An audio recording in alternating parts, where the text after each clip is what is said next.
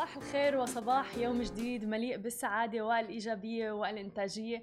معكم أنا هالة بسام من سماشي تي في بنشرة الصباح لليوم الاثنين. واليوم بنشرة الصباح رح نتطرق للعديد من المواضيع منها آه شو عم بيصير بفيسبوك وحملة مقاطعة فيسبوك تحديدا ومين هي العلامات التجارية اللي انضمت لهذه الحملة مؤخرا.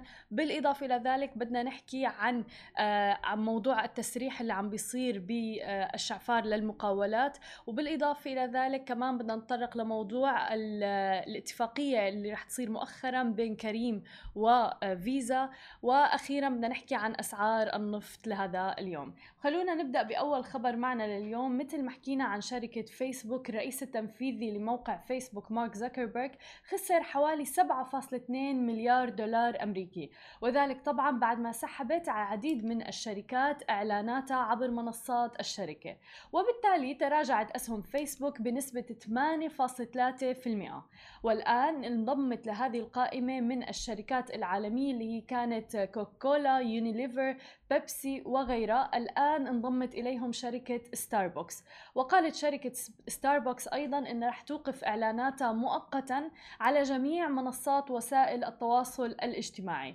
وتعهدت أيضا بإجراء مناقشات داخلية مع الشركاء وسائل الإعلام وأيضا منظمات الحقوق المدنية لوقف انتشار خطاب الكراهية. طبعا كل هذه الحملة للناس اللي ما بيعرفوا هي حملة أنه باعتقاد الناس أنه مواقع التواصل الاجتماعي لها دور جدا كبير تحديدا الآن وبالوقت اللي نحن عم نعيشه وبتغيير الرأي العام وغيره فبالتالي عم بحسوا أنه شركة فيسبوك تحديدا ما عم تتخذ الإجراءات الكافية للحد من آه البوستات والمنشورات اللي بتحفز على الكراهية على العنصرية وغيرها ولذلك أعلنت الشركة يوم الأحد أنها ستواصل النشر اللي هي شركة طبعا ستاربكس على مواقع التواصل الاجتماعي ولكن من دون أي ترويج مدفوع. يعني رح تضلها تحط بوستات ورح تضلها نشطة طبعا ستاربكس على مواقع التواصل الاجتماعي ولكن organically من دون أي آه الإعلانات المدفوعة اللي بتكون على آه فيسبوك انستغرام وغيرها من مواقع التواصل الاجتماعي.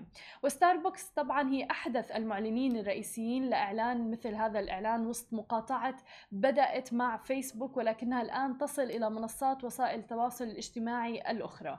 وقالت أيضا مثل ما قلنا شركة كوكاكولا يوم الجمعة أنها ستوقف الإعلانات مؤقتا على جميع منصات وسائل التواصل الاجتماعي على مستوى العالم.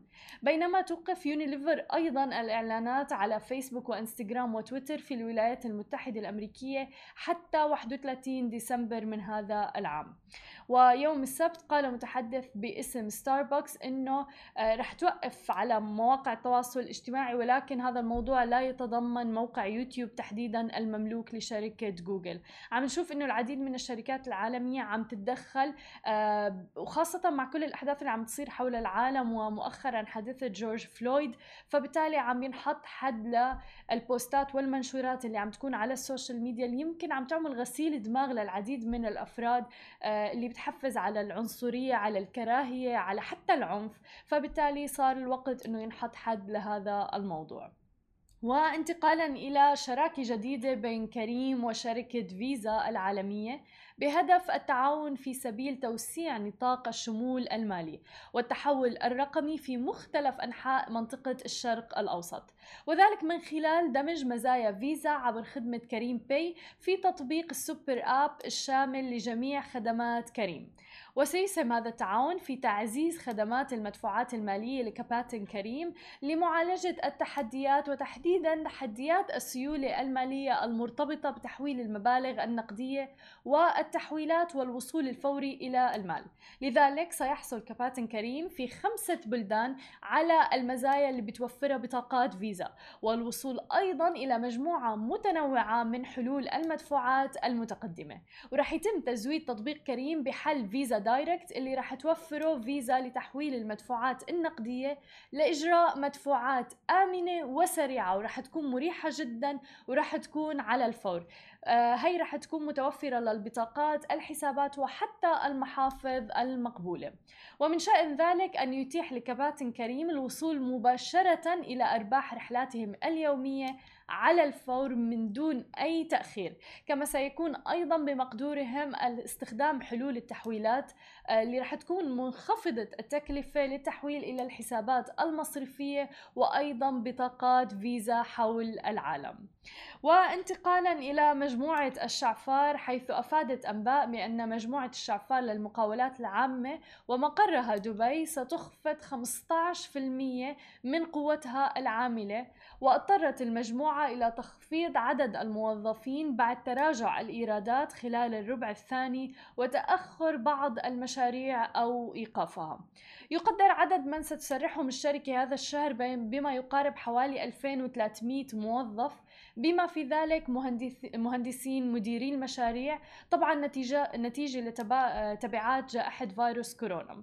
حيث قامت أيضا الشعفار للمقاولات العامة وهي واحدة طبعا من أكبر شركات البناء في دبي بخفض ما يقارب 15% من قوتها العاملة حيث أن تداعيات جائحة الفيروس فيروس كورونا تؤثر على قطاع البناء بالشرق الأوسط بشكل كبير ولذلك سيتم فصل حوالي 2300 موظف. بما في ذلك مثل ما قلنا حيكونوا مهندسين أو مديري حتى مشاريع لهذا الشهر.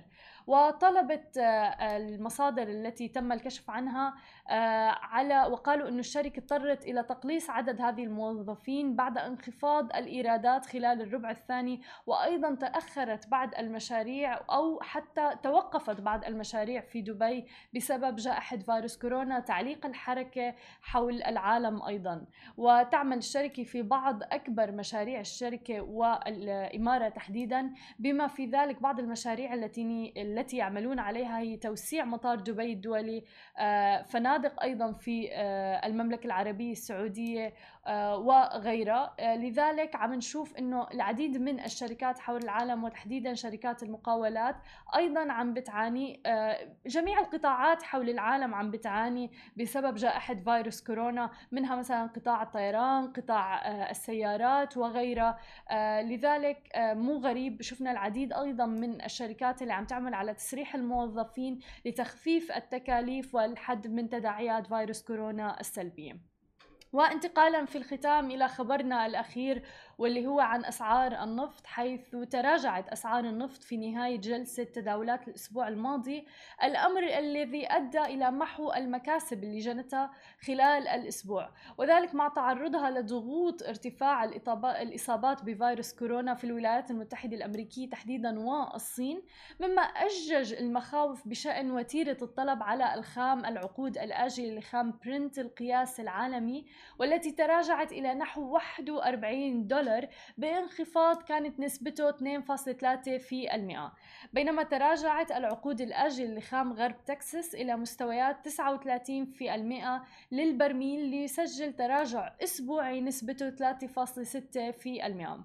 طبعا إصابات كورونا في الولايات المتحدة الأمريكية واصلت ارتفاع على نحو مطرد بشكل حاد تحديدا في كاليفورنيا تكساس وأيضا فلوريدا وهي الولايات الثلاث الأكثر اكتظاظا بالسكان مما أثار المخاوف حول ضعف مستقبلي متوقع في الطلب على منتجات التكرير. طبعا بيانات مخزونات الخام الأمريكية القياسية ضغطت على أسعار الخام هي الأخرى مع ارتفاع مخزونات الخام بنحو 1.4 مليون برميل.